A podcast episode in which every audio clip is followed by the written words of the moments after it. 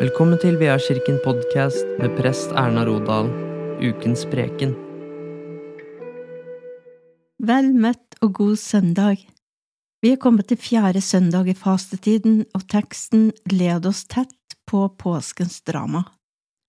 Prekenteksten er de kjente versene fra Johannes evangelium, og har du en bibel i nærheten, så kan du gjerne bla opp i evangeliet etter Johannes kapittel 3 og vers 11 og jeg skal lese fra vers 11 til 16.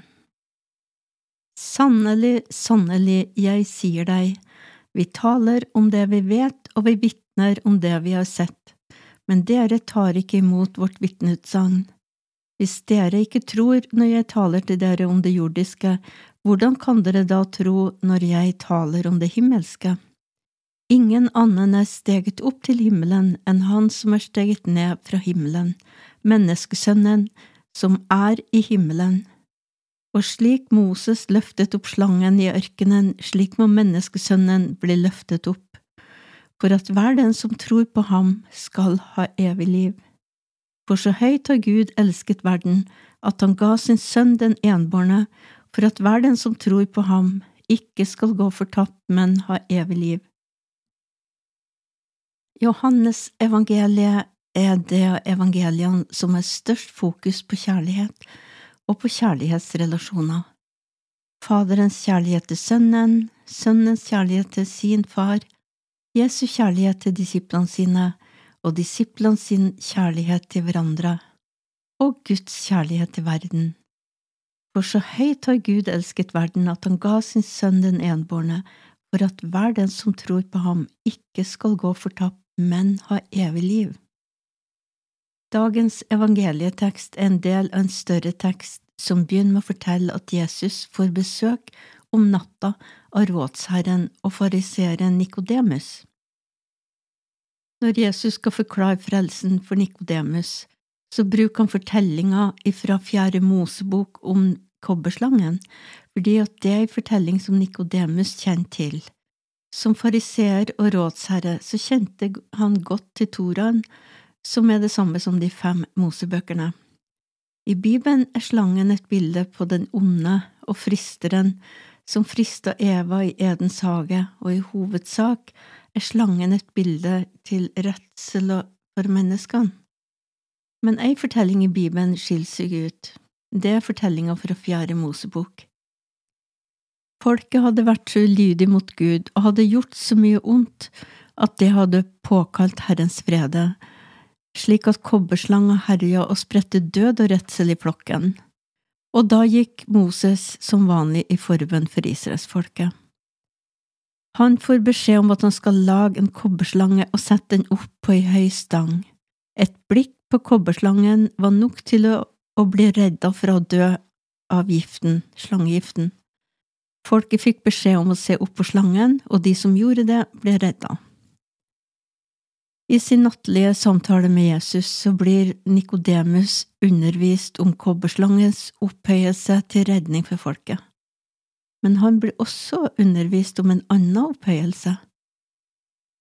At menneskesønnen skulle løftes opp, kunne sikkert høres merkelig ut, og enda verre at han skulle løftes opp på ei stang, slik som kobberslangen i ørkenen ble løfta opp.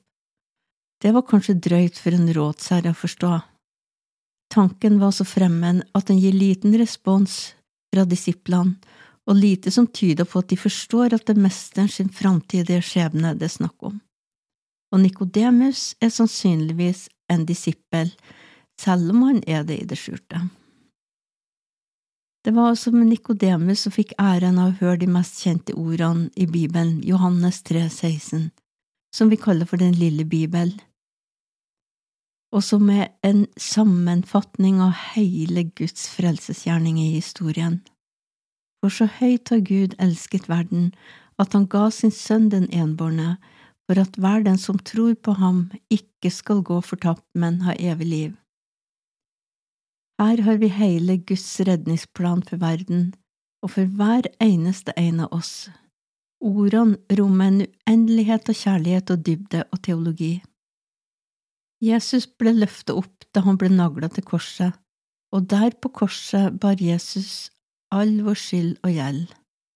Der på korset strøk Jesus ut gjeldsbrevet vårt, som gikk imot oss på grunn av lovens bu da han nagla det til korset, og som kobberslangen i ørkenen var tvetydig.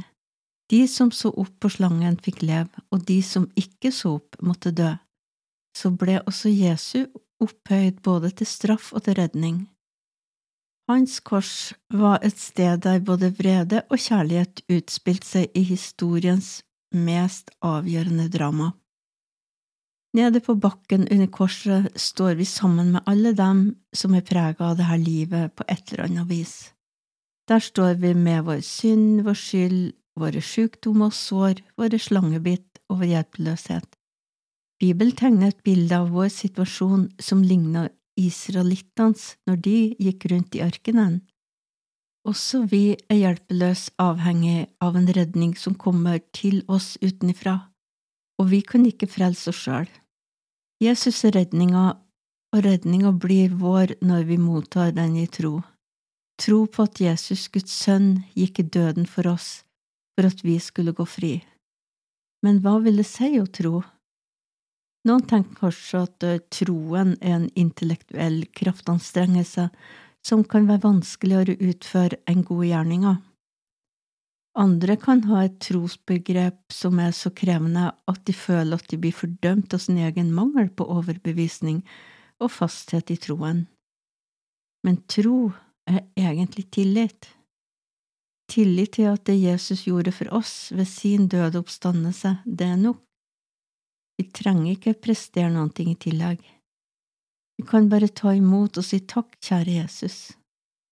Under korset blir troen enkel, slik som israelittene ble redda ved å løfte blikket og se på kobberslangen, så blir vi redda ved å se opp på Jesus.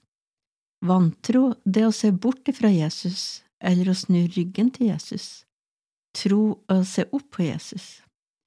Den dypeste trosbekjennelse er et blikk på Jesus, et blikk som er festa på Han, som er troens opphavsmann og fullender. Med blikket festet på Jesus, så vil vi også forstå Hans uendelige kjærlighet til oss. Vokalisten i en av verdens mest kjente kristne musikkgrupper fikk vite for en tid tilbake at han hadde kreft. Han sammenligna det å få vite at han hadde kreft, med det å gå gjennom en storm, og skrev på internett. Hvis du har blikket festet på stormen, så vil du undres på om Jesus fremdeles elsker deg, men hvis du har blikket festet på korset, så, vil du vite at Jesus har og alltid vil elske deg. Ære være Faderen og Sønnen og Den hellige ånd, som var, er og blir en sann Gud fra evighet og til evighet. Ta imot Herrens velsignelse. Herren velsigne deg og bevare deg, Herren la sitt ansikt lyse over deg og være deg nådig. Herren løfte sitt åsyn på deg og gir deg fred.